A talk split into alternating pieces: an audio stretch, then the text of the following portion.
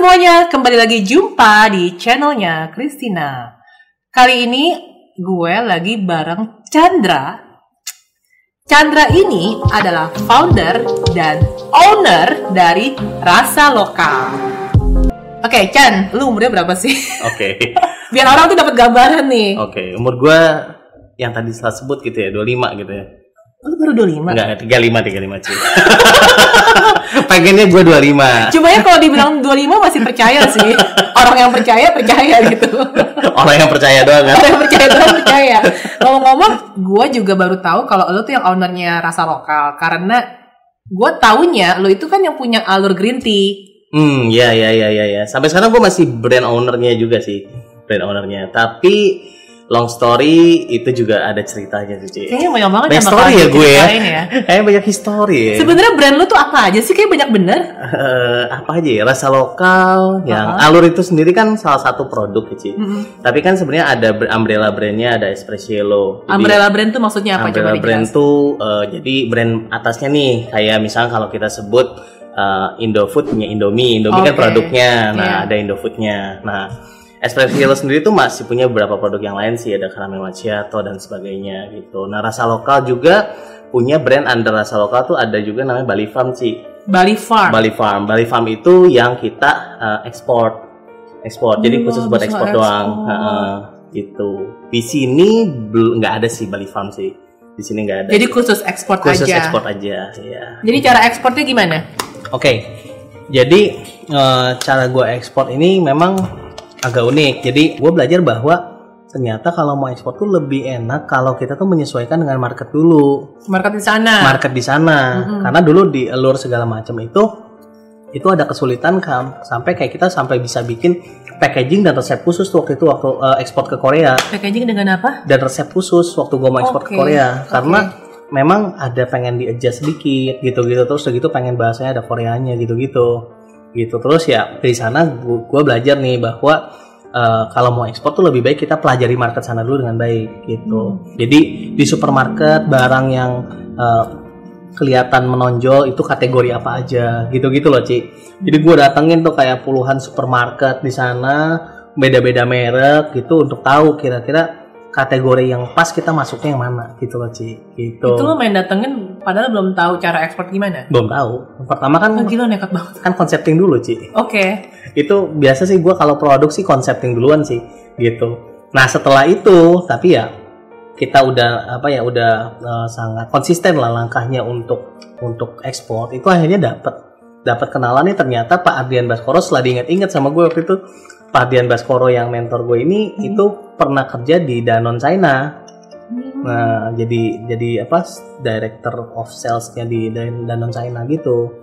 Nah, terus ya udah eh, gua akhirnya minta bantuan beliau untuk kita bareng-bareng ke China untuk nemuin temennya dia gitu loh. Hmm. Di sana ya akhirnya kita berpartner sama temennya Pak Adrian gitu, yang orang China asli. Yang dia memang di bidang consumer goods di China. Jadi Gitu, segala kan. perizinan segala macam dia ngurusin. Kalau perizinan sih basically kita ngurusin Butuh waktu perizinan gak sih? butuh, butuh. Izin yang kayak mau tiap kayak negara beda-beda gitu. Dia bantuin Gitu-gitu. lah, dia bantuin. Tapi ya us utamanya bukan di perizinannya, tapi dia bantu banyak di cari distribus, distributor dan lain-lain. channelnya. Iya betul. Tapi ya dia bantu juga di perizinan karena kita nggak ngerti bahasanya gitu-gitu loh Ci. Gitu. Enak banget. Iya. Jadi bantu. Iya dibantu. gitu. Iya, iya, iya. gitu, gitu sih. Cuma ya paling pentingnya sih sebenarnya pertama tuh adalah konsepting produknya sih. Karena hmm, produknya kalau kita cocok untuk diekspor ya cocok, kalau nggak cocok ya nggak akan bagus juga gitu loh Ci. Gitu. Nah si ekspor ini ya akhirnya kita pelajari dulu kan pertama. Udah pelajari itu kita putuskan mau jual produk apa, terus brandnya juga mau apa gitu loh. Brandnya mau apa, terus udah gitu eh, apa eh, positioningnya apa ini kan jadi positioningnya akhirnya gue ambil daily snack Hmm. yang healthy gitu loh gitu jadi ya nggak bisa namanya juga rasa lokal kan nggak nyambung gitu loh sih Jadi- Hmm. jadi my daily banana gitu loh brandnya gitu Ini lo jual di mana yang ini? ini di China sih Oh. di China Nah, kita ekspornya ke China Pasti kan tiap makanan ada expirednya dong. yes Kayak misalnya kayak gini kan lu juga susah kali kalau lo masukin ke dalam toko Indomaret lah contoh. yes yes Nah, biasanya kalau kayak gitu-gitu, lu ma- managingnya gimana? Kalau yang yang yang kita berani ekspor sih yang at least Yang set- setahun. Setahun. Iya. Kalau kurang Oke. dari setahun kita juga nggak berani sih, karena kecuali itu barang udah pasti kencang banget gitu loh. Itu karena ekspor kan tetap ada resikonya sih, gitu. Tapi lu juga nggak masuk ke perusahaan-perusahaan atau ke toko-toko yang gede-gede gitu ya? Atau Hmm, masuk juga ke, ke juga Hypermart masuk ke Carrefour terus kayak gitu? Yang masuk? mana? Yang ini yang, yang lokal. yang rasa lokal kalau yang itu eh, Indomaret doang. Jadi positioning snacknya tuh oleh-oleh dan juga keripik pedas premium gitu loh. Tapi lu keren sih, soalnya kan kayak kemarin juga nih juga gue ada interview dua narasumber juga yang bermain di bidang snack. Hmm, hmm. Ya balik lagi, jadi ada yang harganya mungkin too pricey lah, terlalu mahal untuk Mhm. Indomaret dan segala macam kayak gitu-gitu. Ya diminta bikin yang versi kecilnya. Yes. Dan lu itu udah come up with yang kecil ini. jadi oh iya, lu udah kayak one step ahead nih, gue udah bikinin nih gitu. ini pengalaman gue waktu di Alur Ci. Jadi Oh. dulu itu gue bikin kemasan. Ini yang sangat kontroversial zaman dulu ya. Kalau sekarang Iya. mungkin nggak terlalu begitu. Gue pertama kalinya yang di Indonesia bikin isinya cuma dua saset sih. Iya sih. Iya, karena memang eh, Mahal. karena kan Gua tahu awal produk, mahal. iya harganya kan nggak murah sih. Tapi gue tahu bahwa orang datang ke Indomaret itu sepuluh ribu harus kembalian, gitu loh. Itu positioning juga sih, itu konsepting. Tuh, dengar ya, orang kalau pergi ke Indomaret, bawa duit 10 ribu harus kembalian.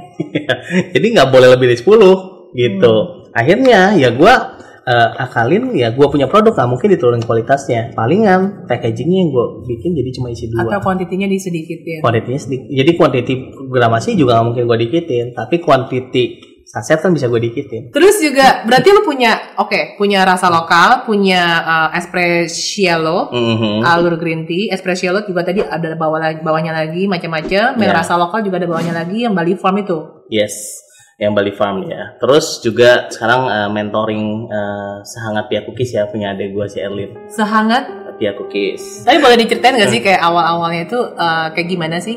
Emang lu Oke. dari awal itu udah ya dimodalin kah atau segala macam biar menginspirasi lah apa kalau beneran mulai dari nol kah Hmm. atau gimana? Nah jadi singkat cerita 2007 tuh gue buka bisnis pertama. Buka bisnis pertama lalu uh, ngomongin soal kuliah ini 2009an tuh bisnis gue udah mulai uh, bagus gitu loh Ci. Gue harus pilih nih mau mau gue seriusin bisnis gue yang bisnis udah which is udah ada ada hasilnya lah gitu. Mhm. atau gue mau seriusin kuliah gitu loh karena kuliah itu gue sisanya itu tuh lumayan berat sih tiga tuh kalau di IT kan ada apa eh, kerja praktek gitu gitu Iya, loh ya iya. berarti kan gue harus kesampingkan bisnis gue lah nggak nggak harus tutup tapi harus gue kesampingkan Iya, nggak bisa iya. put more fokus gitu loh ya atau gue kuliah ini gue gua biarin dulu sebenarnya gue nggak langsung kuliah nggak langsung ilangin gitu aja sih tapi gue biarin cuti gitu lah ya. gitu ha-ha. cuma akhirnya kan ya ternyata gue fokus di bisnis and bisnis itu jauh lebih working lah untuk keluarga gue karena langsung menghasilkan kan Ci gitu loh. Gitu. Jadi akhirnya eh, ya udah lama-lama kuliah terbengkalai sih gitu. Jadi berarti ketika mulai bisnisnya di 2007 ini eh, itu lu dari tahun kedua yang tahun ketiga malah ya tahun ketiga yang kuliah yang IT ini ya? tahun ketiga ya Ci tahun ketiga ketiga, dan betul. akhirnya lu juga ya udahlah karena bisnis lebih menghasilkan dan Iya, keluarga lu dan juga, keluarga juga kan butuh. juga gitu ya betul gitu. Bisnis apa yang lu buka Oke, waktu pertama sih 2007 itu gue pertama buka tuh pengennya coffee shop, pengennya. Tapi kan terkendala sama modal dan lain-lain. Ya, kalau sekarang sih enak ya orang terkendala modal bisa jual eh, kopi susu lah Hmm. gitu, bisa jual eh, minuman botolan dan sebagainya gitu ya. Kalau dulu sih gue sih nggak ada, eh, dulu kan belum belum ada Gojek gitu-gitu kan, ya. Akhirnya gue cuma eh, jualannya kopi and juice gitu, terus di booth di depan eh, kampus gue gitu. bisa belajar bikin kopinya eh, ngeracik sendiri Nah, dulu gua di Kaskus lumayan aktif sih, eh, apa Kaskus tuh Ci? Mhm. Tahu Kaskus Ci? tahu Tahu ya? Tahu tahu kali nggak tahu Ci. Tapi kalau orang dulu cuma tahu. Oh iya ya. terus terus Jadi gua lumayan aktif di Kaskus gitu, terus ya udah gua coba-coba cari gitu, gimana cara bikin kopi dan sebagainya. Jadi akhirnya gua nemu eh, komunitas kopi gitu Ci. Gitu, nemu komunitas kopi, terus ya ada aja orang yang baik sih. Ada eh, orang ini sekarang udah terkenal banget sih jadi juri juri barista yang sangat terkenal ya World Barista Championship malah dia jadi Ih, jurinya. Gue bilang gue buka coffee shop, eh, buka ya bukan Pengen coffee buka shop coffee lah ya, shop pengen gitu, coffee shop tapi coffee shop wannabe gitu ya. Gue Mhm. bukanya gitu.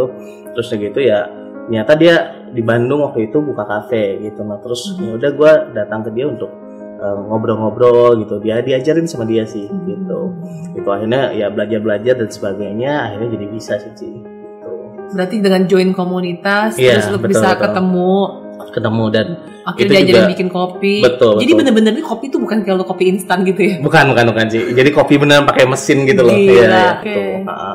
gitu terus udah gitu gue join sama temen gue nih temen gue untuk bikin coffee and juice ini Oh berarti ini joinan ya? join Oke. sama temen gue namanya Mizu dulu Mizu Coffee and Juice gitu. Nah, terus kemudian dari gimana mulai dari bisnis usaha misu ini Hmm, berkembang menjadi sekarang?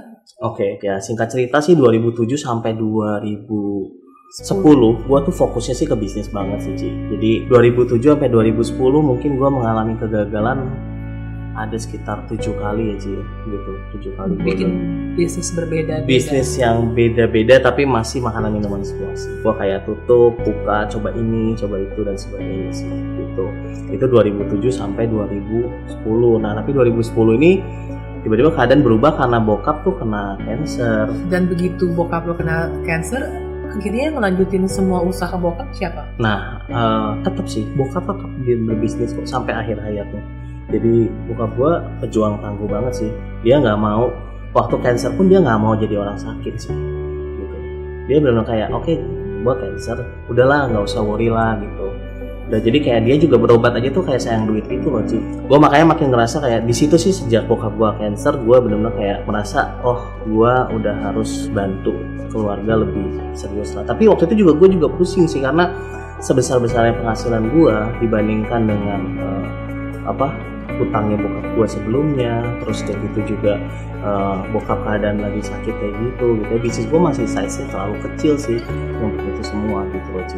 Nyokap ibu rumah tangga. nyokap gua ibu rumah tangga sih dia kayak dia pun shock banget dan eh, akhirnya ya nyokap cuma bisa ya, nangis dan juga doa gitu ya itu doang sih gitu. Karena selama ini kan nyokap cuma ibu rumah tangga. Me- memang bokap gue tuh nggak mau nyokap tuh eh, kerja ya. Karena bokap gua kan orang tangguh keras gitu ya. Dia mau nyokap tuh urus anak-anaknya. Dan bener sih anak-anaknya dari bokap dan nyokap gua tuh ya semuanya tuh punya integritas lah gitu loh gitu. Karena memang nyokap fokus ngurus keluarga bokap fokus ngurus bisnis sih gitu 2010 akhir itu tahun di mana Espressielo lahir sih Ci. Espresso Ya, lah. Espressielo tuh yang umbrellanya Aldo tadi Ci Green Tea gitu ya. Itu tahun 2010 akhir tuh lahir dia.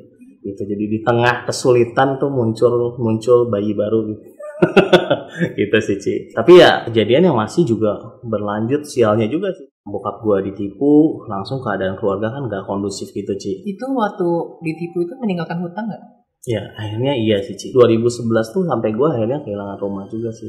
Akhirnya Rumah yang rumah yang gua udah iya rumah udah gua tinggal dari kecil. eh, kecil gitu ya dan kayak udah melekat banget tuh sama gue gitu ya itu malah ya gue akhirnya rumah itu harus kita relain dan sama sekali waktu itu nggak ada yang tahu sih bahwa bokap tuh dalam keadaan udah sampai ternyata eh, hutangnya ke bank tuh udah sampai harus kehilangan rumah gitu sih udah kehilangan rumah nggak punya duit buat sewa rumah Ci buat sewa rumah waktu itu cuma berapa ya kalau nggak salah cuma sewa rumah kecil tuh nggak nyampe 20 juta atau sekitar 20 juta lah mungkin ya gitu Setahun. Heeh, setahun ya gitu jadi kayak wah gila sih tahun itu sih luar biasa banget sih sih gila sih. 2010 2011 jadi bertubi-tubi ya. iya betul Hutang juga makin besar mungkin utang karena makin besar bunganya bunganya juga bunganya ngulung terus. betul Hmm, betul sih gue. jadi kayak bokap gua tuh ya bayarin hutang bank terus gitu loh itu akhirnya ya mau nggak mau ya akhirnya kita korbanin rumah lah. Ya tapi setelah itu malah itu jauh lebih tenang sih karena ya eh, utang bokap gua yang paling besar saat itu ya udah terhandle lah ya. Walaupun masih dengan- ada sih utang dagang rumah itu, apa mungkin iya, ya gitu ya. cuma yang itu udah at least udah terhandle lah gitu gitu. Nah gua masuk gunung kungfu dan ternyata kungfu ini bukan perguruan kungfu biasa karena gue sebenarnya nggak bayar loh masuk tuh dan memang guru kungfunya juga nggak bukan orang yang nyuruh gue bayar juga sih gitu. Memang nggak bukan bukan cukup bukan khusus gue semua muridnya tuh nggak usah bayar juga gitu. Karena bukan perguruan kungfu yang cari duit sih gitu. Nah tapi di sana gue belajar banyak banget karena sefu gue ini tuh bukan cuma sek- sekedar mengajarkan eh, bagaimana mukul gitu-gitu. Dia ngajarin filosofi yang dalam banget tentang kehidupan sih. Nah di situlah gue betul-betul uh, mulai berubah sih gitu. Jadi hidup gue yang tadinya kayak nggak jelas gitu di situ gue benar-benar kayak nemu sih. Pertama kalinya lah dalam hidup gue gue nemu turning point gitu. Walaupun waktu itu belum bisnis sih gitu. Setelah itu bokap gue kan sakitnya ya sebenarnya cancer ya makin lama makin parah sih gitu. apalagi berobatnya bolong-bolong. Berobat juga ya bahkan nggak mau sih nggak mau hmm. berobat. Gue sih akhirnya bertindak sendiri bantuin bokap untuk uh, berobat herbal sih. And it's work sih it's work uh, ya bokap gue cancer waktu itu di diperiksa pertama tuh stadiumnya tiga kalau nggak salah. Jadi uh, momen tersedih dalam hidup gue adalah uh, waktu gue lagi nemenin bokap gue ya, bokap gue udah susah jalan. Ini setelah gue menikah juga, bokap gue masuk rumah sakit tuh akhirnya karena uh, mau nggak mau ya harus dirawat di rumah sakit ya gitu gitu. Terus gue tuh lagi nemenin bokap gue, gue lagi uh, baca kengnya Dewi Kwan Im ya kan gue uh, memang bacanya Dewi Kwan Im itu terus tiba-tiba bokap gue tuh lagi dari tiduran gitu udah tidur tiba-tiba bangun gitu.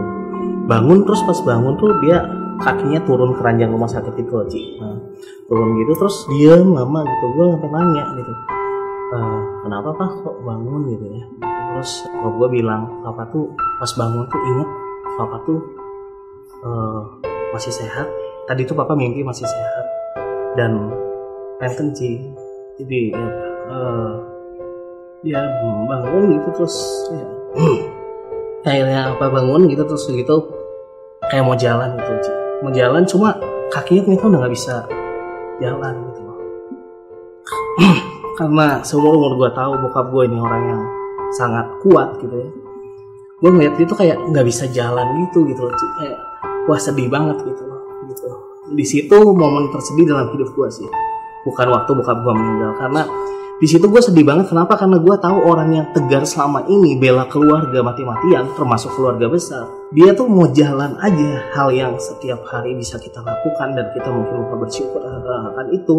Itu tuh nggak bisa gitu, gitu dan dia dalam mimpinya tuh dia dia tuh dikasih sehat gitu. Jadi, hmm, itu yang hmm, paling sedih dalam hidup gue makanya waktu bokap gue uh, meninggal itu gue udah nggak sedih lagi. Gitu.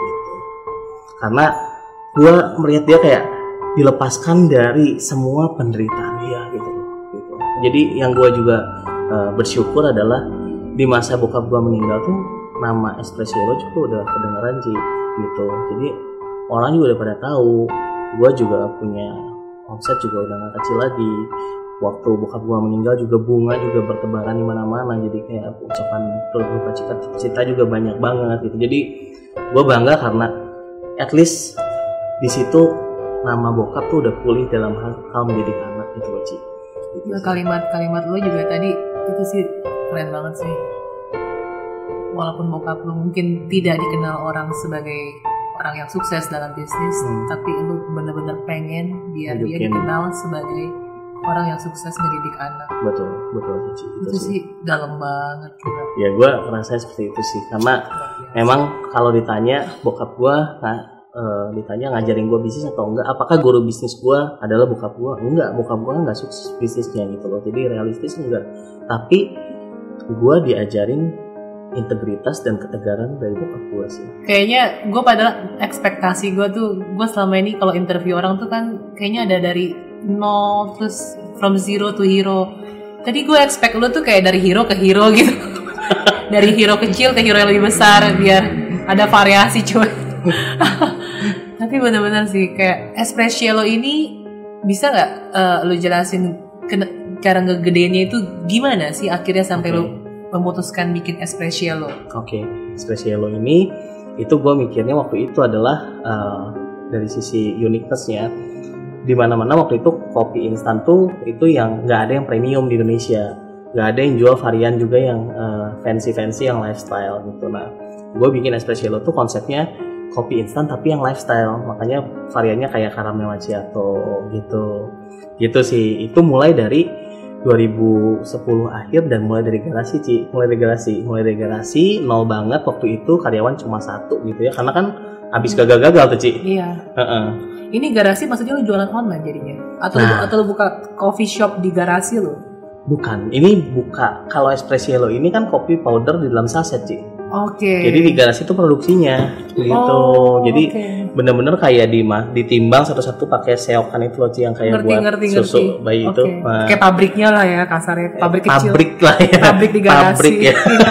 pabrik masukin satu-satu timbang satu gitu terus disil satu-satu gitu loh Ci. Tips gue sih kalau untuk bisnis eh, seperti itu eh, yang kita mulai UKM nih, Kemasan penting lah. kemasan tuh penting banget gitu. Iya. Itu tuh walaupun lu bikin di garasi lah di mana gitu, orang kan nggak akan tahu. Taunya tuh waktu di supermarket tuh kayak gimana gitu loh bentuknya gitu. Itu sih Ci. Nah itu yang bikin gua waktu itu eh, lumayan tuh mulai akhirnya bisnis gua tuh mulai beneran eh, berlabuh gitu loh Ci. Sebelumnya kan gue bisnis tuh ada kali 8 kali gitu ya. Itu cuma gagal-gagal eh, banyak gagalnya lah gitu loh Ci. Di situ bisnis gua di Espressielo sih betul-betul oke ya di situ mulai kita kembangin bisa jadi bisnis yang gede sih gitu. Jadi itu eh, penjualannya online. pertama banget sih jualannya online. Hmm. Pertama banget. Masih yang via Kaskus itu.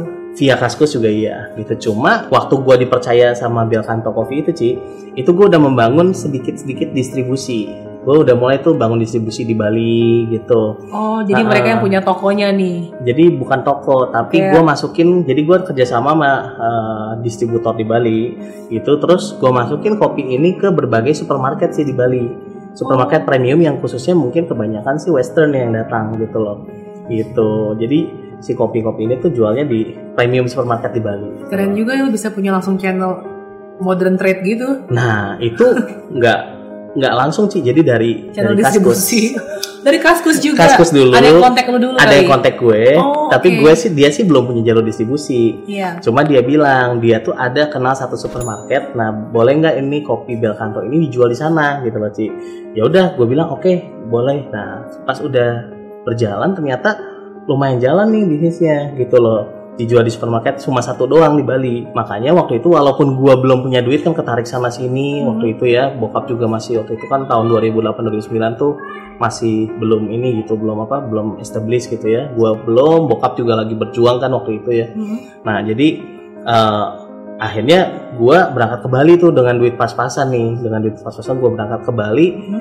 Akhirnya gua sama distributor ini gitu itu bareng-bareng nawarin satu-satu Ci ke toko-toko gitu kayak ya nyales aja gitu. Udah gua nggak kenal nggak apa ya udah kita langsung maju aja gitu loh. Gimana sih caranya? Bisa jadi lu lu udah bawa sekardus kopi nih. Iya, iya. Bawa kopi tapi sekardus kan di mobil tuh, Iya, mobilnya distributor. Gua bawanya sih udah dipilih nih kopi-kopi yang gua mau tawarin gitu loh. Terus mereka nyobain langsung. Enggak. Jadi gua datang tuh, gua datang tuh kayak nawarinnya kayak "Eh, ini cari eh, cari bayarnya di mana ya gitu. Terus udah gitu tanya-tanya gitu terus udah gitu akhirnya ditunjukin lah sama orang yang bayar atau kadang-kadang sih biasanya bayarnya kadang-kadang nggak mau nemuin juga. Maksudnya gimana sih cari bayar? Jadi lu datang ke datang siapa? ke supermarket langsung Datang ke, ke kasir. ke kasir, kasir. oke. Ini kalau mau nawarin barang ke mana ya? gitu. Oh, oke. Nah, terus dia nunjuk kadang-kadang kan kantornya ada di situ. Iya. Oh, ke situ gitu, di belakang gitu loh. Ya udah di belakang. Kita datanglah ke belakang ke resepsionisnya. Terus gitu nanya, "Ini kalau mau nawarin barang ke mana ya?" Terus dia biasanya bilang nih, "Ditinggalin aja, Pak." gitu. Terus gue nggak mau gitu. Karena Iya. kan ditinggalin kan nggak efektif kan Iya. gitu ya. Gue nggak mau terus gitu ya udah gue bilang janji lah. Enggak, gue bilang ini saya jauh-jauh dari Bandung nih. Nah, gitu. Bikin rasa gak enak. iya, saya jauh-jauh dari Bandung nih. Dalam waktu hitungan besok atau lusa kita bakal balik gitu loh. Boleh nggak ketemu sebentar aja gitu loh. Ya ini mau gitu loh Ci. Gitu. Akhirnya ketemu nih sama para buyer gitu. Ya kalau kepepet kan kreatif loh Ci. Enggak, kadang tuh orang kadang suka mikir kayak ribet banget. Padahal ya asal lu jalan ya lu do, lu Betul sih, lakukan. benar-benar. Ya lu gak akan tahu hasilnya kayak Betul. apa kan. Intinya sih dilakuin aja sih. dilakuin aja. dilakuin aja dan intinya sih waktu waktu berangkat sih bawa tekad sih jadi maksudnya kayak gue harus bisa masuk nih ke supermarket ini gitu loh jadi akhirnya waktu di sana ya tebel muka atau gimana pun gue berusaha ketemu gitu loh Ci. Akhirnya dari dari lu keliling-keliling gitu berhasil dapat berapa supermarket yang akhirnya di awal-awal. Hmm, awal-awal kalau supermarket yang satuan tapi premium tuh 80% masuk sih Ci. Hmm. karena kan ketemu. Kalau ketemu sama enggak beda jauh. Kalau nggak ketemu tuh gue juga pernah coba. Setelah itu ya pernah yang di Jakarta lebih susah sih Ci. Jakarta lebih susah. Bali tuh orangnya lebih Lebih apa ya welcome. lebih welcome ya. Lebih cukup welcome. Di Jakarta lebih susah lagi. Nah di Jakarta gue pernah juga metodenya ninggalin aja karena udah ngotot tetap nggak nggak boleh ketemu gitu loh. Gue tinggalin. Itu rate-nya turun jauh sih Ci. Jadi eh, rata-rata ditolak-tolakin gitu. Nah dulu tuh waktu Espressiello keren kan ke Espressiello nih. Kerjaan gue nyeles sih Ci. nggak nggak keren sih. Itu benar-benar muka, lah. muka tembok gitu gue kayak Iya, iya. nawarin sana sini. Gue pernah dibanting juga produknya. Hah? Iya beneran gue nawarin nih ke salah satu supermarket nih gitu. Terus kayak waktu itu kan masih eh, apa ya sasetnya tuh masih eh, belum bagus kan Espressiello kan masih yang eh, dikerjain di garasi gitu dan mungkin kayaknya dia tahu Oke, gitu loh. Heeh. Tapi udah pakai kemasan yang hitam itu. Udah, tapi kan masih stikeran sih, belum yang kayak di print gitu. Oke. Terus udah gitu, tapi make sense yang dia ngomong. Jadi, jadi dia kan gue bilang gini, ini tuh buat langsung diseduh gitu. Jadi dijual di supermarketnya, convenience store gitu, langsung diseduh aja gitu loh. Maksudnya orang tuh biasa bisa ngambil langsung seduh gitu loh, Ci. Di convenience store kan zaman dulu kan banyak tuh yang kayak gitu tuh gitu. Di Bali terutama tuh banyak kayak gituan tuh, Ci. Hmm. Nah, terus udah gitu gua bilang ini tuh premium loh apa segala macam sama dia. Terus dia bilang gini, nah ini premium dia bilang apanya yang premium dia bilang. Terus eh, lu lihat deh brand A kemasannya bagus, harganya juga lebih murah gitu ya. Serius lebih Iya. murah. Ya lebih murah dari gue gitu loh. Mungkin ya kualitas Pastilah, kan beda kualitas, Isinya iya. lebih jelek padahal. Betul. Nah, terus dia bilang brandnya juga udah terkenal gitu. Ya orang pasti mau minum, dia bilang. Orang pasti mau ngambil kalau gua pajang. Kalau yang lu ini, siapa yang mau siapa yang mau minum sambil dia lempar Iya. gitu, pak gitu. Anjir, Secara kemasan kerenan yang ini. Iya. Yang punya lo kayak gini. Iya, lu kayak gini gitu loh. Lu siapa yang mau ngambil? Nah, di situ gua di awalnya sih gue shock juga ya. Tapi bener loh. Jadi di situ kayak gue inget iya juga ya. Ini brand lebih terkenal. Terus kayak gitu harga lebih murah gitu. Terus packagingnya lebih oke. Kalau cuma dibandingin langsung orang nggak tahu rasa nih gitu. Mhm. Ya memang akan Orang- milih brand A Iya. itu gitu loh gitu. Nyomot gara-gara packaging. Iya, nah tapi eh, finally di situ juga yang bikin gue berubah. Gue benerin packaging gue jadi fully dicetak gitu dan jadi bagus gitu ya. Terus gue datang lagi sama dia nih, udah udah dibagusin nih singkat cerita. Gue datang lagi sama dia gitu nih, udah dibagusin. Tapi ini orang sebenarnya fair kok. Dia begitu dibagusin, nah kayak gini bagus. Oke, saya terima. Terus dia ya udah dia jualan sih. Dia jual produk gua gitu loh di di outletnya dia gitu loh. Terus ya akhirnya di situ juga salah satu tipping point buat si Espressiello ini tipping pointnya Espressiello karena apa? Karena setelah gua masuk si convenience store ini, gua bawa nih namanya ke tempat lain. Eh, gua udah diterima loh produknya sama ini, gitu loh. Jadi Ngerti. tempat lain tuh kayak oke, lu punya produk terpercaya gitu loh, gitu. Jadi ada tipsnya kalau mau membangun distribusi itu, itu tuh biasa orang selalu berpikir nggak sabar pengen langsung ke distribusi yang nasional yang besar gitu ya. Chain market gitu. Iya ini nggak boleh. Justru kalau bisa tuh pelan-pelan dulu ke yang paling kecil-kecil dulu. Yang kecil ini bisa digunakan nanti namanya untuk ke yang menengah tuh gitu. Dari yang menengah itu bisa digunakan namanya untuk ke yang nasional gitu loh. Hmm. gitu. Dari segi pembayaran segala macam bukannya suka delay-delay suka gitu. delay Hmm, tergantung yang mana sih jadi ada yang Oke. suka delay tapi ada juga yang baik banget sama UKM oke gue sebut namanya yang baik banget ya sama UKM itu Indomaret sih itu pun mereka sangat apa ya sangat peduli dengan perkembangan UKM di Indonesia sih gitu. Dia sangat aware gitu sangat memperhatikan. Dan dari gua waktu masih eh, menengah ya waktu itu udah nggak kecil banget dari dia meneng eh, gua menengah dia tuh udah mau terima produk gua gitu loh. Terus udah gitu dia juga mau mengembangkan bareng-bareng nih produk-produknya gue nih. Jadi pertama masuk ke Indomaret Point gitu ya. Terus udah gitu masuk ke Indomaret yang lebih besar lagi yang di sewilayah Jakarta gitu. Terus baru masuk lagi ke Indomaret yang nasional akhirnya gitu loh Ci. Jadi dia perhatiin banget penjualannya berapa dan sebagainya. Dan dia juga perhatian maksudnya kalau nggak laku ini bahaya loh gitu-gitu. Dia jadi sangat menurut gua sih good management ya. Good management dan pembayarannya pun oke sesuai dengan uh, terms yang disepakati sih gitu Oke, ini gue mau nanya. Misalnya Indomaret nih ya. Mhm. Indomaret kan segitu banyak. ya ya Terus gue misalnya datang ke kasir, eh gue pengen tahu dong bayar lo siapa gitu kan. Maksudnya Aha, pemegang decisionnya. oke Apakah mereka akan, akan kasih tahu? Oh kalau buat showcase barang, lo mesti ke Jakarta atau mesti ke Jogja atau mesti ke mana kayak gitu? ada sih biasanya sih gini eh, Kasir kan mungkin kalau kasir kayak nggak tahu sih Iya. cuma eh, sebenarnya setiap itu tuh ada namanya DC, Distribu- Distribution Center. Oke. Setiap DC itu pasti juga punya buyer, buyer lokal. Iya. Nanti misalnya kalau barangnya barang lokal, itu biasanya lewat buyer lokal dulu gitu. Bayar lokal itu maksudnya apa Buyer sih? lokal tuh misalkan Cici jualan eh, anggaplah eh, keripik ubi khas Wonosobo misalkan. Oke. Nah, DC terdekat di Wonosobo di mana anggaplah saya nggak tahu, cuma anggaplah Surabaya gitu ya misalkan di Wonosobo atau di mana di Jogja, whatever lah misalkan. Nah, eh, DC terdekat tuh di sana. Jadi DC terdekat tuh nggak selalu di kotanya ya, Ci, ya.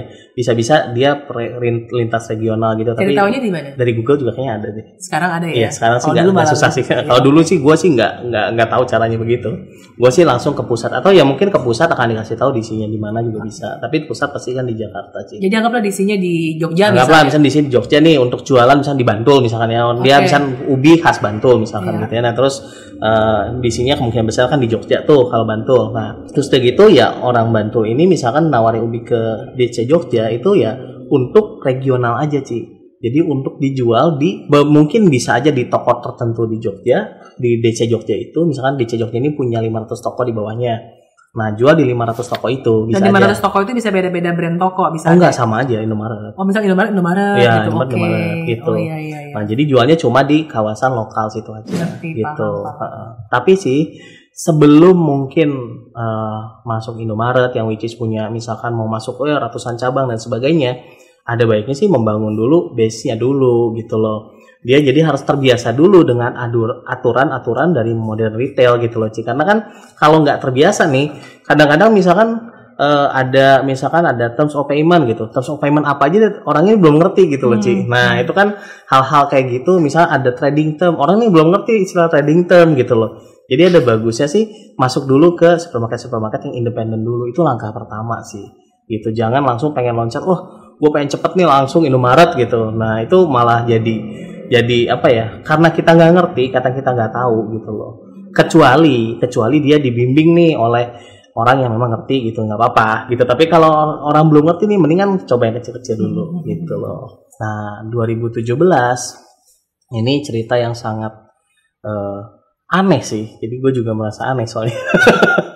Gue aneh banget sih sama sama sama kejadian ini jadi 2017 itu kita kan eh, alur udah sukses lah alur udah sukses terus kayak gitu udah udah bagus terus kita maintain aja sih maintain gitu sambil ekspansi ekspansi kecil-kecilan dari brand alurnya. Tanggal 29 Mei 2017 itu tiba-tiba gue dipanggil sama partner gue yang yang invest pertama itu. Iya. ya partner gue yang pasif sebenarnya Dia- Tapi eh, tetap jadi partner di saat itu kan? saat itu partner Oke, pasif saat- pasif partner lah pasif pasif partner partner. dia investor dia mendanai hampir semua eh, kegiatan kita sih dari awalnya gitu loh tiba-tiba gue dipanggil lah tanggal 29 Mei itu ke Bandung gue kan waktu itu kantornya udah di BSD ya waktu itu Nah, terus dia bilang sama gue tiba-tiba kayak eh Chan lu dipecat dari CEO Hah?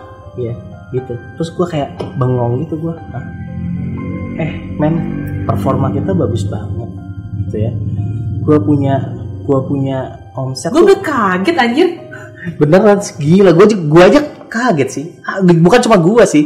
Orang-orang sekeliling gue, semua orang pun sangat kaget sih. Oke, gue cerita dulu sedikit. Balik flashback dulu sedikit. 2012 itu gue kan bikin uh, CV nih bareng dia. Iya. Jadi sebelumnya kan nggak ada nggak ada CV nggak ada apa Gak ada kan. badan usaha. Nah, ada badan usaha lah. Tahun 2012 tuh gue bikin CV sama dia gue masukin orang yang kan gue cerita tuh pernah dari gerobak dari mana tuh dari Mizu.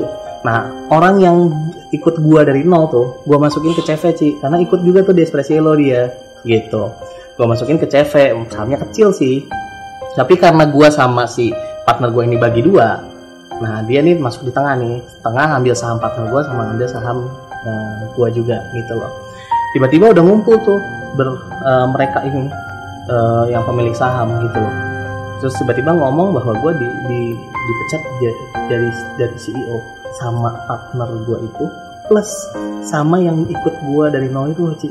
yang ikut gue sampai dari dia kayak dia tuh lulusan SMP atau SMA nggak jelas gitu di bantu gitu ya. Terus dia ikut gua dari nol susah-susahan bareng-bareng gitu gua apa gue dorong gerobak bareng-bareng gue gitu waktu gua buka gerobakan gitu. Terus udah ikut sampai dia jadi kepala operasional sih dia bisa-bisanya ikut-ikutan bareng sama partner gue itu sama-sama cat gue gitu loh Ci. Itu di bulan gue dipecat Ci itu omset per bulan terbesarnya Espressiolo Ci. Gitu. Itu omset kayak per bulan di, dari dari pertama Espressiolo berdiri sampai bulan itu itu omset terbesarnya sih itu rekornya. Gue bingung gitu dipecat gara-gara apa? Dan alasannya atau nggak apa sih dia bilang mereka bilang karena lu kurang kekeluargaan. Gue sampai ah apaan sih ini? Gue sampai tuh, tuh, ini performa ada masalah nggak? Gue nggak ada. Jadi masalahnya apa? Ya lu kurang kekeluargaan aja. Kurang fleksibel apa Gua sakit? kagak ngerti sih ya gue lebih karena di situ gue langsung mikir aja secara logika ya ini sih dibuat-buat lah. Terus gue nanya kan makna keluargaan gimana sih? Ya kayak kita ini di sini gitu ya. Kita tuh kalau sore abis beres eh, beres kerja ya kan dia ada jadi dua kantor nih gitu. Dua kantor satu di BSD satu lagi di Bandung terus kita juga ada pabrik gitu. Kita tuh yang di kantor Bandung di abis kerja nih jam 6 sore jam 5 sore gitu. Kita tuh main game online bareng-bareng gitu. Hah? Gue di BSD yang tim BSD nih sampai jam 12 malam sering masih meeting gitu loh ini lu ngomongin ngajarin gue kekeluargaan yang main game online bareng-bareng jam 5 sore. Ya gue nggak bisa gue tahu di situ gue juga nggak bisa berdebat sih. Jadi gue di situ gue cuma nanya itu terus gue ya gue bilang ya, ya whatever selalu deh gitu, gitu. dan itu. risky banget lo mecat lo. Iya nah, nah itu. Resiko banget buat mereka itulah yang bikin sekarang ya akhirnya nggak terlalu maksudnya mereka nggak perform gitu loh Cia karena ya aneh banget gue juga bingung nih. bahkan bukan cuma gue Ci orang-orang sekeliling gue aja bingung kenapa gue dipecat. Maksudnya orang-orang sekeliling tuh gini tim gue nih yang di BSD kan gue juga punya tim dan sebagainya itu itu mereka bingung semua gitu kok bisa sih? Terus gitu apa nggak risky banget gitu ya? Gue yang kenal semua supplier gue yang bikin resepnya. Gue bikin resepnya sejak itu lu lihat di 2017 nggak ada tuh ngeluarin produk baru. Orang gue semua yang bikin resepnya. Gue yang bikin resep gue yang makanya kenal supplier. keluar lah ini yes nah bisa tato langsung hijrah dari minuman ke keripik Oke, basically sih Ci, sebenarnya gue ini kan bukan pebisnis minuman doang. Memang sih. karena yang dulu jagung bakar pernah Iya, jangan gobak pernah, gitu pernah. Gue tuh sebenarnya kan orang concepting dan orang eh, orang concepting, positioning, targeting sampai branding, nah yang gitu-gitu lah Ci. Jadi arahnya sih dari concepting sampai ke strategi branding gitu loh. Nah gue orang yang eh, mengerti itu. Jadi sebenarnya nggak harus apa pun produknya itu sebenarnya bisa-bisa aja gitu loh Ci. Mhm. Gitu. Tim gue pun juga memang bisa-bisa aja gitu. Jadi eh, secara pengembangan produk pun gue ngerti walaupun itu bukan minuman gitu loh Ci. Jadi langsung ke rasa lokal nggak ada masalah sih gitu akhirnya gue build tuh dan memang kalau udah kita apa ya namanya eh, bener-bener fokus gitu fokus Hmm. banget kita membangun akhirnya gue build tuh jadi kita rasa lokal launching 8 Oktober sih 2017 jadi cuma 4 bulan doang gitu kayak ya bisa langsung ini sih launching gitu loh Ci gitu dan ya sukses banget sih untungnya gitu puji Tuhan ini bisa ditemukan di mana di Indomaret juga oke ada? jadi kalau yang ini ini di Indomaret tuh nah Indomaret yang ini sih ada oh yang Jadi beda. kecil Heeh. oh. Indomaret tuh yang eh, yang kecil dia yang memang eh, buat positioningnya adalah snack. Kalau yang ini tuh sebenarnya oleh-oleh. Jadi Hmm. eh, atau produk keripik premium lah sebenarnya. Jadi nggak cuma oleh-oleh sih, tapi keripik premium. Jadi kalau Cici kayak ke kayaknya mungkin di Lance Market, Kenchik itu juga Ngerti, ada ngerti. sih. Ci, tapi gitu. isinya sama Maksudnya, Beda, dari segi rasa juga beda rasa juga beda gitu. Jenis keripik juga beda. Sambelnya juga, ini ada sambelnya juga yang itu nggak ada sih. Gitu. jadi memang lo lo uh, bidiknya sesuai dengan kemampuan kantong yang datang sama pangsa pasarnya juga ya? Betul betul sih betul. Ya, gitu ya ngerti, kalau ngerti, beli yang premium dapatnya juga premium sih gitu. Oke. berproduknya dan semuanya. Kalau yang itu yang yang Indomaret itu dia yang produk snack. Tapi kita bikin juga sebenarnya premium sih Ci. Jadi bumbunya premium semua premium. Cuma bedanya tuh nggak ada sambelnya. Gramasi juga beda gitu gitu loh Ci. Hmm. gitu gitu. Harganya berapa yang di Indomaret Indomaret tuh 7.200 sampai 7.500 oke kalau yang ini? Yang ini 25 ribuan sih. Oke. Nah, kadang ada yang jual 30 juga sih. Tergantung di mana gitu loh. Oke oke. Nah, gitu. paham paham paham. Masih oke loh dua puluh lima ribu tiga puluh ribu sih. Iya sih, nggak 7.000. nggak sampai yang mahal banget juga sih, enggak sih, Ci. tapi kenapa brandnya masih sama? Biasanya orang suka dibedakan kalau udah harganya beda Hmm, karena gini Ci, ya brand sendiri si rasa lokal udah terkenal banget sih. Dan juga Oke. rasa lokal sebenarnya kan luas brandnya. Brand rasa lokal itu kan maksudnya adalah rasa khas lokal Indonesia gitu loh, Ci. Hmm. Jadi kalau kita pakai hanya untuk satu produk doang kan sayang gitu loh, Ci. Kalau buat ekspor tuh kita bedain karena memang kan rasa lokal di, di luar kan nggak dikenal gitu. Terus juga barangnya juga beda nih rasa lokal juga orang nggak ada yang paham artinya Jadi pakai kita bahasa Inggris. pakai bahasa Inggris Apa gitu loh. namanya? Yaitu Bali Farm Ci yang Oh, ya, Bali Farm. Iya, gitu. Dan kenapa barangnya juga beda? Iya, karena gue gue ngikutin market luar gitu loh. Market luar pengennya barang apa ya kita ciptakan yang sesuai dengan marketnya gitu. Ini ya istilahnya produk market fit lah gitu. Jadi ini Oktober launching 2017 Yes. sampai sekarang 2020 Ya. udah dua tahun setengah. Udah tahun setengah, udah udah ada di Indomaret, terus Omsetnya lebih oke dong dari yang waktu itu yang Iya. terbesar Espresso Yellow. Iya, iya, iya. Ya lumayan lah Ci gitu. Karena ada turunan-turunannya juga sih. Jadi kan produknya ada rasa lokal, ada Bali Farm gitu ya. Gue juga ada mentoring nih, mentoring adik gue sendiri sih. Tapi tadinya produknya kayak dia mulai dari awal cuma baking-baking biasa gitu. Taunya produknya meledak di pasaran Ci gitu. Meledak pasaran terus jadi ya kita mentoring dan akhirnya disatukan disupport oleh si rasa lokal ini juga Ci gitu. Jadi namanya Sahangat Pia Cookies. Iya, sangat ya. Iya. Oke, terus terus. Ya, ya begitulah Ci. Itu jadi cerita gue waktu di Specialo. Nah ini sangat Pia Cookies sih. Wah, oke. Ini yang original kayaknya. Ini kayak kayak bahan oatmeal gitu sih?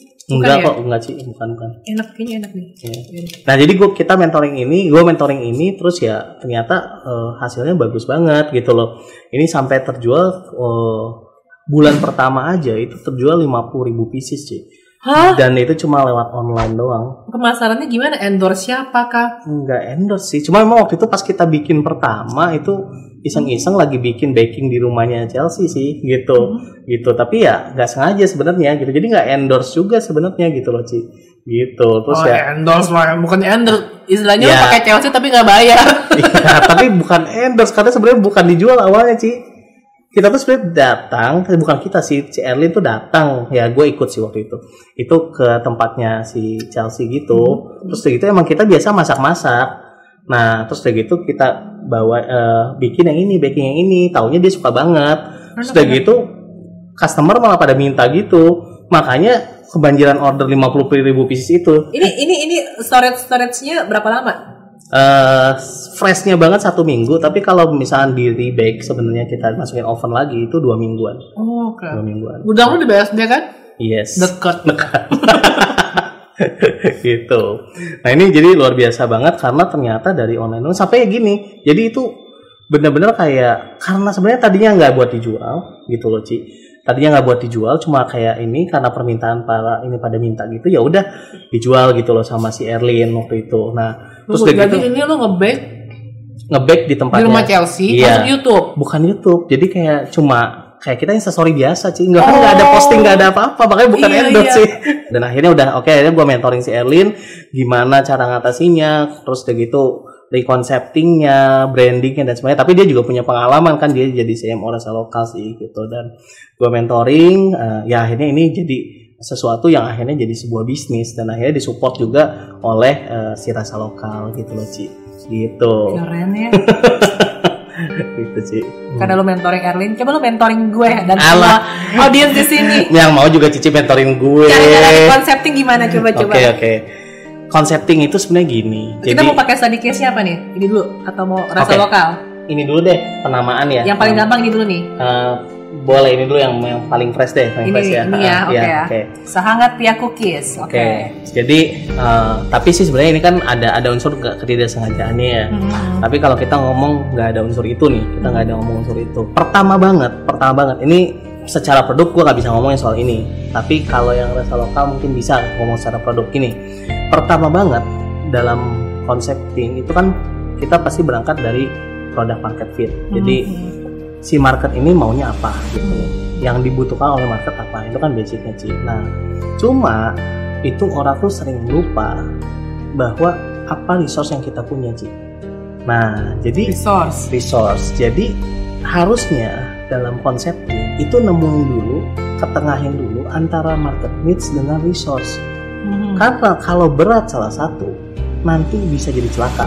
Misalkan, Oke, resource ini contohnya apa? Maksudnya apa? oke resource tuh ma- ma- eh, resource yang kita punya, baik itu kita punya network, kita punya kemampuan membuat, kita punya kapasitas produksi, kita punya modal berapa, kita ini siapa dan sebagainya. Itu resource lah. Termasuk kita punya teman-teman itu teman kita ada siapa aja Hmm. atau investor kita siapa itu resource yang kita punya Ci. Hmm. Jadi semua yang bisa membantu bisnis ini yang ada di kepala kita Hmm. gitu loh. Sering banget nih orang tuh hanya berfokus nih itu ke market fits doang. Ya. Nah, kadang-kadang tidak sesuai dengan resource-nya dia. Nah, Iya. bisa celakanya dua. Satu, terlalu idealis di market needs akhirnya uh, secara resource nggak memadai, Contohnya? akhirnya eksekusinya nggak baik Mhm. gitu loh. Misalkan, gua mau bikin nih keripik si rasa lokal nih, gitu. Bikin keripik rasa lokal, tapi gua nggak punya sebenarnya supplier bumbu, nggak punya supplier ini. Misalkan Oh. gua nggak ada nih akhirnya gue udah mikirin market needs-nya apa ternyata gua tuh nggak bisa bikin yang kayak seperti market needs punya gitu Iya. loh. Gitu. Akhirnya gua eksekusinya jadi lemah banget gitu loh. Bisa begitu. Bisa juga itu yang lain nih misalkan. Bisa juga nih orang tuh berat salah satu di resource. Jadi biasanya yang kayak gini tuh biasanya orang-orang yang punya duit atau punya kemampuan. Oh. nah dia akan kayak oke gue bisa bikin ini nah Tapi jualannya ke mana? jualannya ke mana dia nggak ngerti gitu loh Ci. Jadi akhirnya tuh nggak ketemu konsepnya. Nah sebenarnya konsepting itu harusnya tuh benar-benar dimulai dari dua ini nih. Dua ini tuh disesuaikan. Jadi punya resource-nya apa aja? Kita kumpulin. Dan ini kita harus kreatif nih mengumpulkan resource. Jadi resource ini oke termasuk networking juga resource gitu loh. Terus Ya. kita punya eh, teman-teman juga resource juga loh. Misalkan Iya. kita mau buka coffee shop. Hmm. Uh, terus udah gitu kita nggak punya tempat gitu loh cuma mungkin kita punya temen yang punya tempat gitu loh misalkan. Apakah mungkin nggak kerja sama dia? Ya mungkin gitu loh. Nah itu resource sih contohnya. Hmm. nah tapi kan kembali lagi ke market needs tempatnya di tempatnya si teman kita ini Lokasinya oke nggak? sesuai nggak dengan target Ya. market kita? Dengan apa yang mau kita jual? Dan apakah market di sekitar situ butuh coffee shop gitu loh Ci. Jadi sesuaikan di tengahnya nih gitu. Nah nanti sih sebenarnya sih dari dari metode concepting ini harus dilahirkan mind map yang betul-betul komprehensif maksud gua. Jadi setelah konsep ini jadi nih nah lalu nanti kita atur keluarnya lagi. Misalnya kita ngomongin brand communicationnya mau apa gitu loh. Misalnya kita ada produk nih ada produk misalkan si pihak kisah hangat brand communication kita mau apa sih mau apa aja gitu loh. Oke gua contohin nih sekarang kita menjual satu produk. Nah jadi si pia cookies hangat ini kenapa sih akhirnya namanya itu pia cookies hangat gitu loh. Hmm. jadi kok sehangat? Aneh banget namanya gitu Iya. kan. Terus udah gitu kenapa kok pia cookies aneh banget juga gitu. Jadi eh, ini kita bicara market sih kalau kita lihat market cookies itu tuh di Indonesia tuh cookies yang terkenal tuh cuma cookies kering jadi cookies kayak ya nastar-nastaran gitu loh Ih, sih terus terang gue baru kali ini nemu yang kayak gini kan yang di sini Ya, ya, gue ya. dulu pernah makan waktu gue pergi keluar juga sih. Ya, tuh cuma kan ya itu di luar kan eh, udah banyak cookies tuh kayak gini. Iya. Tapi di sini cookies tuh bukan gini. Cookiesnya kecil-kecil gitu Iya. loh, biar Yang kebanyakan. garing lah kayak Yang kayak garing. good time gitu Betul. lah. Soft cookies di Indonesia ada atau enggak? Ada sih. Ada. ada. Cuma nggak banyak. dan nggak Dan marketnya juga. juga nggak besar. Marketnya juga nggak gede juga Ci. Iya. Akhirnya kalau kita cuma nyebut cookies, ini market nggak bisa besar gitu loh. Hmm. Nah, jadi kita menya- me- harus men- men- menyatukan apa yang marketnya di Indonesia ini besar dan juga memang namanya ini itu orang Indonesia tuh apa ya akrab gitu loh Ci. Iya. Gitu. Akhirnya kita satukan ini jadi Pia Cookies sehingga market yang Pia itu ikut masuk Ci. Jadi ini konsepting nih. Jadi market cookies kan kecil yang cookies yang Iya. tipe itu.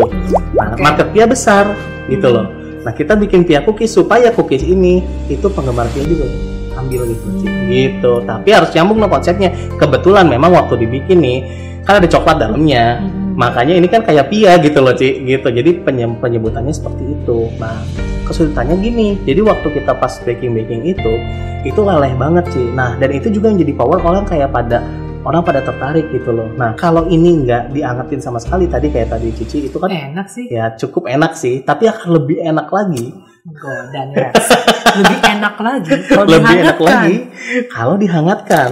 Kalau leleh dalamnya, Ci, gitu loh. Microwave, oven biasa, teflon. Kalau pakai teflon 15 detik persis sih. 15 Oke. detik gitu. Nah, nah kita eh, mikir nih namanya apa ya supaya or- jadi sebenarnya bukan nama sih. Kita mikir gimana cara edukasi. Namanya orang makan cookies ataupun makan pia mana ada yang diangetin sih, Ci? Iya. Mana ada nggak mau nggak orang nggak mau angetin toh gitu. Iya. Nah, tapi kan kita harus edukasi karena kita pengen ini peaknya itu paling enak waktu udah diangetin loh gitu. Jadi walaupun orang bisa aja makan sebelum diangetin dan tetap enak. Cuma akan lebih enak kalau diangetin dan edukasi itu kan lumayan susah Ci. Edu- Edukasi ini kerjaan perusahaan besar nih. Iya. Dia gelontorin bahkan miliaran atau puluhan miliar ha- untuk Edukasi, mengedukasi iklan, awareness. eh, iklan awareness dan sebagainya. Nah kita tahu kita nggak punya kemampuan edukasi itu orang ini baru belum kepikiran begitu. Ini kapan sih launchingnya emangnya? September gitu kalau Tahun lalu? Iya tahun lalu atau Agustus akhir gitu. Wow. Gitu. Nah kita kan ya nggak punya kemampuan sebesar itu sebesar Hmm. perusahaan besar untuk edukasi. Nah akhirnya nih kenapa dinamain sehangat jadi kita harus edukasi dari nama sehingga orang akan inget sih. Gitu Oh, loh. oke. jadi kita konsepting ini waktu oke edukasinya dari dari nama. Sehingga kan orang waktu beli aja udah tahu itu namanya pia cookies sehangat dikonsumsinya enak waktu hangat. Gitu loh Ci. Itulah jadi di, dikonsepin namanya sehangat pia cookies Men- membuat edukasi yang tadinya berbiaya sangat mahal jadinya justru sangat murah karena cuma nama gitu Keren sih. gitu itu baru konsepting nama ada konsepting kalau udah ada namanya gimana nggak apa-apa konsepting produknya aja gitu Oke, coba konsepin produk. ya tergantung produknya apa dulu sih Jadi produk yang ini aja, karena gue rasa masih banyak yang nonton juga. Mungkin demen baking atau Hmm, apa, hmm, hmm. jadi biar lebih relate ke audiens lah. Oke, jadi konsepting produk. Ya oke, kita ngomong yang nggak sengaja deh dulu ya. Yang Tapi ini yang kita kita ini ya. telaah walaupun dia nggak sengaja ya. Hmm. Jadi kita pelajari dari faktor suksesnya gitu loh. Nah, jadi kan sebenarnya si kalau soft cookies di Indonesia kan masih jarang banget sih, masih jarang banget. Kalau disebut soft cookies itu kan berat. Nah, maksudnya orang juga nggak ngerti apa sih Ngerti. soft cookies gitu loh. Iya. apa sih terus udah gitu juga kayak apakah mau coba atau enggak juga nggak tahu gitu loh Ci. Nah dengan pia cookies penamaan pia cookies udah gitu dalamnya juga ada coklatnya seakan-akan bukan seakan seperti pia orang tuh jadi mengkonsumsi sesuatu dengan alasan yang lain Ci. Jadi kalau orang disebut soft cookies apaan sih? Gue nggak kenal barang itu, nggak kenalan dulu, nggak belum kenal. Dengan pia itu langsung dan dalamnya ada coklatnya kayak pia. Ini gue oke gue mau nih karena gue tahu pia pia itu dalamnya ada coklatnya gitu loh Ci. Itu konsepting barang. Jadi dibuat tuh kenapa dalamnya harus ada coklatnya? Ya ini kebetulan tapi kenapa seperti itu? Karena dengan ada lelehan dalamnya ada coklat dalamnya itu seakan-akan dia mau konsumsi memang pia gitu loh Ci.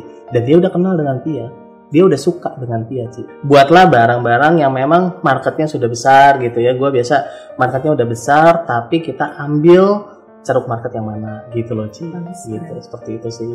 Gitu. Nah itu konsepting sih. Sekarang ini untuk si Pia sehangat ini lu brand awareness secara online-nya ngapain aja? oke kita ngelakuin brand-brand communication terus udah gitu melakukan eh, banyak juga produk-produk yang baru. Jadi kan tadinya awalnya kan cuma satu produk sih gitu Isi coklat doang. Isi coklat oh, sekarang doang. ada varian-varian sekarang lain. ada rasa asa- ada isi matcha ada yang terbaru banget sih eh, isi eh, krim susu strawberry gitu Oh, loh. Heeh. terus udah gitu ada yang rasa cookies and cream baru empat sih Nah, tiap kali launching lu pakai si Chelsea lagi. enggak Udah, karena udah. bukan bukan endorsernya juga sih ya tapi ya Apa kalau akan ada endorse endorse uh, Telegram juga? Kita belum sih kayaknya belum Oh sih. jadi bener-bener pure dari orang yang repeat masih Iya. masih mouth to mouth. mau to mouthnya sih luar biasa banget Karena sih, ini Ci. emang sih kalau orang udah beli sekali kayaknya pasti repeat sih. iya dan memang repeatnya juga gede banget sih Iya, repeatnya enak. banyak iya iya repeatnya banyak karena orang banyak banget yang suka dan kita ya dari testimonial orang-orang dan bahkan gini banyak endorser juga yang bukan kita bayar sih jadi memang Karena memang lagi memang hype, mereka hype, nyobain. mereka coba dan mereka suka gitu ya udah mereka Iya. pada posting-posting gitu ya udah gitu kita jadi nggak natural aja gitu karena memang udah eh, berjalan dengan baik juga sih Dan ini gitu masih sih. jualannya ke end user, belum ada reseller segala macam. Hmm, kita ada dropship sih, baru mulai lah, Oke. baru mulai ya, baru mulai, Oke. baru early banget lah Ci, gitu. Keren banget. Eh, keren tuh kalau udah diomongin sih, kalau dilakuin kan itu nanti. Pokoknya keren udah. Maksud gue lu tuh udah Oke oke oke, keren Cici soalnya gitu loh, gua ngefans nih. paling bisa ya kan. Gue beneran beneran beneran kayak lu tuh gigih banget terus juga ada masalah segala macam lu Hmm. tuh cepet banget kayak langsung bangkitnya lagi gitu loh. Nah itu Iya. ajaran sepuh gue ajaran sepuluh iya jadi sebenarnya gue juga biar yang nonton nih nggak kayak oh apakah sukses itu gue harus bangkrut dulu gagal dulu merasakan kesedihan dulu sebenarnya bukan kayak gitu ya nggak sih pola Yes, yes. pola sukses itu adalah ketika lo jatuh ya lo bangkitnya cepet gitu Betul, itu Jadi- doang sih lo bangkitnya cepet dan lo jangan kayak terlalu banyak memendam betul, hidup di masa lalu lah betul betul. Mau tipsnya nggak Ci? Gimana nih, gue bangkit cepet nih. Jadi boleh boleh tipsnya itu adalah berpikir panjang dan jauh. Jadi eh, kalau kita berpikir bisnis gue yang saat itu doang, Hmm. itu rasanya kayak kita pengen marah, pengen kadang marah sampai diri sendiri sama eh, sama diri sendiri, sama produknya, atau mungkin kalau dia dihianatin partner mungkin sama partner, iya atau mungkin kalau kita di di ada urusan masalah sama distributor kayak kita pengen marahnya sama distributor gitu ya, gitu. eh, akhirnya kita jadi nyalahin fokus ke ny- menyalahkan nih yang yang di depan mata gitu Iya. loh. Tapi kalau kita inget tujuan jangka panjang kita, kita udah lupa sama urusan itu gitu loh. Oke saat itu mungkin masih ada sebel apa apa, tapi utamanya banget kita ingetnya jangka panjang, dream kita gitu. Apa loh. dream lo? Ya kayak dream. Waktu itu yang paling bikin gue ini adalah dream gue adalah gue harus bikin bangga ke gue. Itu yang paling istilahnya. Oke, jadi gue nggak boleh dan kayak gitu. Sweet banget. ya. gitu sih.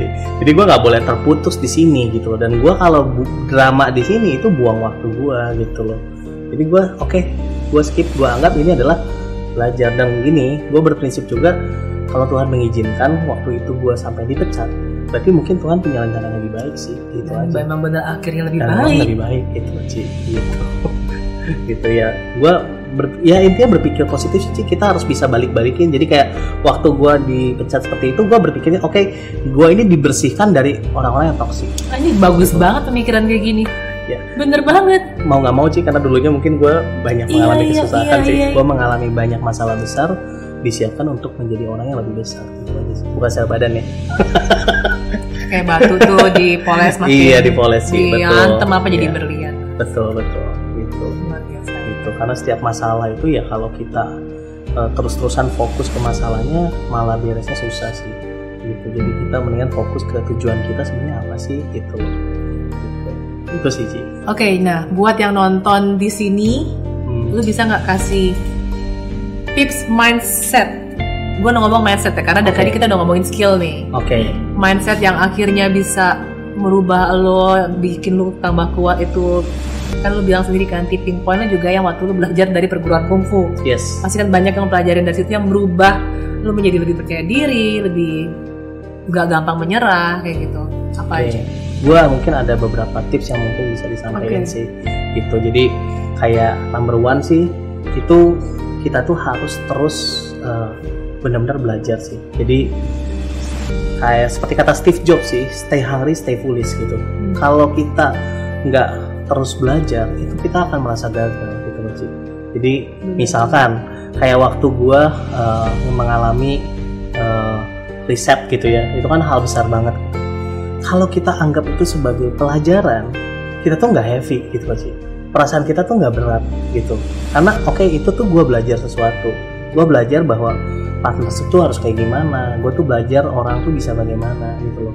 Tapi kalau gue anggap itu sebagai sesuatu yang kayak eh, wah ini orang jahat apa segala macam, akhirnya gue nggak nggak fokus gitu loh. Nah tapi karena itu jadi pembelajaran buat gue, itu jadi hanya sebuah pembelajaran dan gue keep learning and then gue jadi masuk malah ke action berikutnya gitu loh Ci. Jadi kalau gue mau tambahin jadi sebuah quotes itu stay hungry, stay foolish, uh, stay hungry, stay foolish, keep learning and then take action sih gitu loh. Jadi jangan terus-terusan kita kayak uh, fokus ke gagalnya tapi kita harus segera ke action berikutnya gitu loh.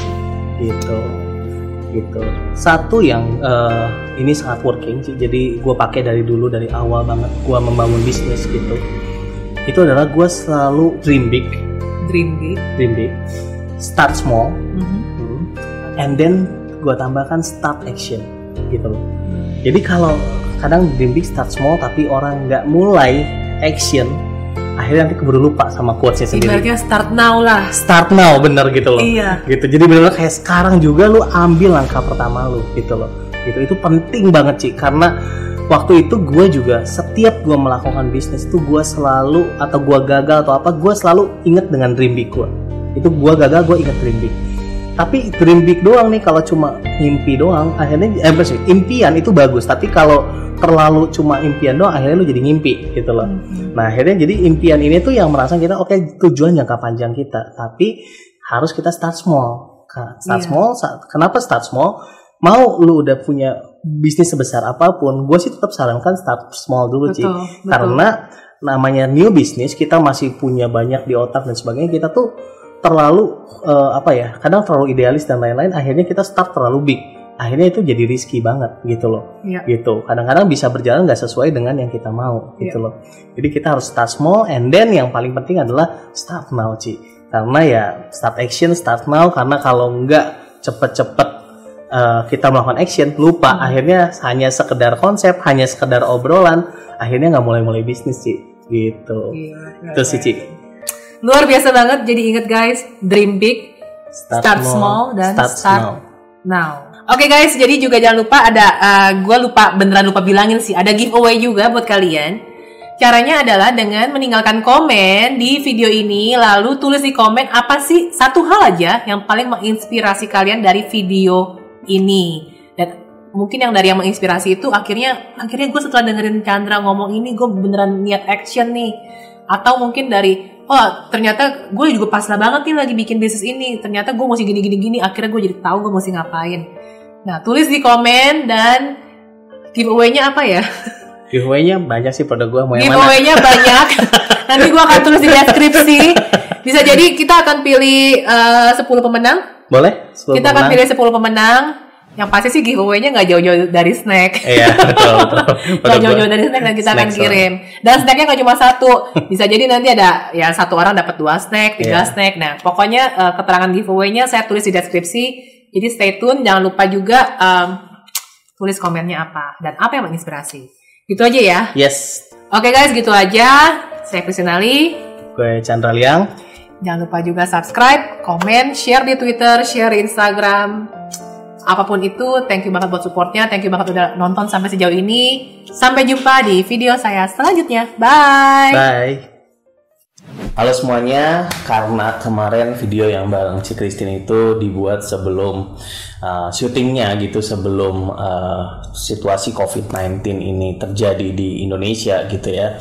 Sehingga uh, saya akan update beberapa hal uh, yaitu tentang bagaimana sih uh, Indonesia saat ini gitu. Jadi uh, saya melihat di sini ada uh, banyak masalah yang terjadi dan akan jadi new normal gitu ya.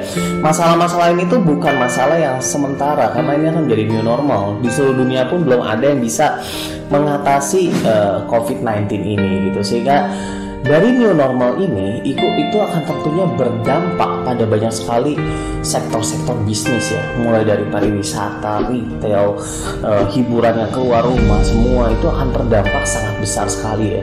Dari teman-teman saya yang bergerak di bidang retail yang di mall gitu yang punya 50 cabang di di eh, restoran 50 cabang di mall-mall.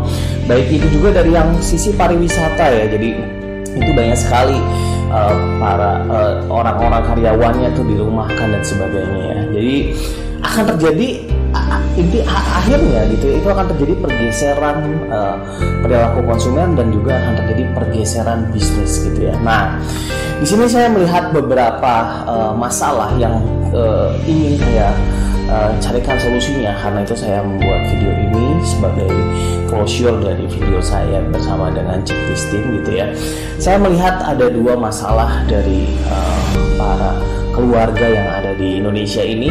Yang pertama adalah masalah bahwa tiba-tiba semua orang harus di rumah sehingga uh, sang mama gitu harus bisa uh, masak gitu ya harus bisa masak untuk bisa uh, ju- uh, mengirit juga pengeluarannya dan juga tentunya juga selain mengirit juga untuk bisa membuat keluarganya nggak bosen gitu. Uh, apa bisa masak yang uh, beda-beda gitu ya kelas masakan yang enak-enak gitu ya untuk keluarganya dan juga uh, untuk supaya tetap keep nggak stres gitu ya. Dan kedua adalah bahwa banyak sekali korban PHK. Nah ini yang lebih menjadi sorotan saya juga adalah banyak sekali korban PHK dari berbagai perusahaan. Nggak cuma PHK, juga banyak juga pasti pemotongan gaji dan sebagainya ya. Karena dan bisnis tidak akan sama lagi persis, terutama untuk sektor yang terdampak ya. Kalau hanya sekedar PSBB-nya itu mungkin sektor eh, semua sektor memang kena, tapi kalau untuk sektor yang betul-betul terdampak seperti pariwisata, penerbangan dan teman-temannya itu akan betul-betul memang terjadi perubahan dan itu jangkanya panjang. Nah, sehingga banyak keluarga-keluarga yang tentunya penghasilannya juga menurun atau bahkan sampai dirumahkan atau PHK dan sebagainya. Nah, saya melihat bahwa di sini ada uh, sebuah peluang untuk ekonomi lokal bisa bergerak gitu ya. Para mam agar bisa menjadi mompreneur mensupport ekonomi keluarganya, menciptakan penghasilan tambahan.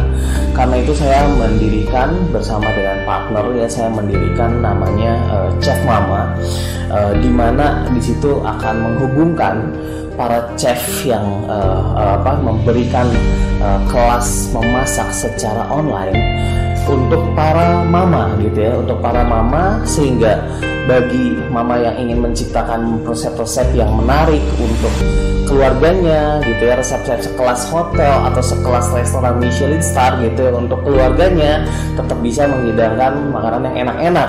Dan juga untuk para mama yang ingin berjuang untuk keluarganya untuk bisa berjualan sesuatu Nah, bisa belajar resep dari sana. Dan tentunya karena ini ada unsur sayanya, uh, saya dan tim juga membuat video-video juga, course-course juga yang sifatnya untuk me, apa, membuat para mama trainer, calon mama trainer maupun wannabe gitu ya untuk bisa siap berbisnis sehingga saya akan memberikan course-course bisnis yang uh, sehubungan dengan bisnis-bisnis yang bisa dilakukan dari rumah dan juga bisa membuat ekonomi lokal betul-betul bergerak gitu. Karena saya melihat concern di sini, saya concern terhadap ekonomi dan brand lokal karena sekarang situasinya dalam keadaan yang kurang baik, kita harus bangkit supaya ekonomi lokal kita, brand lokal kita bisa kuat dan pilar-pilar ekonomi kita bisa diperbaiki. Kekuatannya ada di ekonomi-ekonomi masing-masing keluarga. Karena itu saya mengajak para mama juga untuk bisa berwirausaha dalam bisnis yang tentunya saya di bidangnya F&B jadi saya juga uh, ya bicara di sini tentang F&B gitu. Nah ini saya ingin berkolaborasi dengan para chef juga dengan para mama di seluruh Indonesia untuk bisa mewujudkan bisnisnya sendiri-sendiri, belajar resepnya, belajar bisnisnya, dan juga bisa betul-betul uh, menjadi sukses di bisnis F&B-nya masing-masing. Oke, sekian dari saya itu closure-nya dan uh, semoga uh, keadaan bisa cepat membaik dan juga keadaan membaik atau tidak yang pasti orang-orang yang bisa berjuang harus keadaannya membaik gitu. Oke, itu aja dari saya. See you. Bye.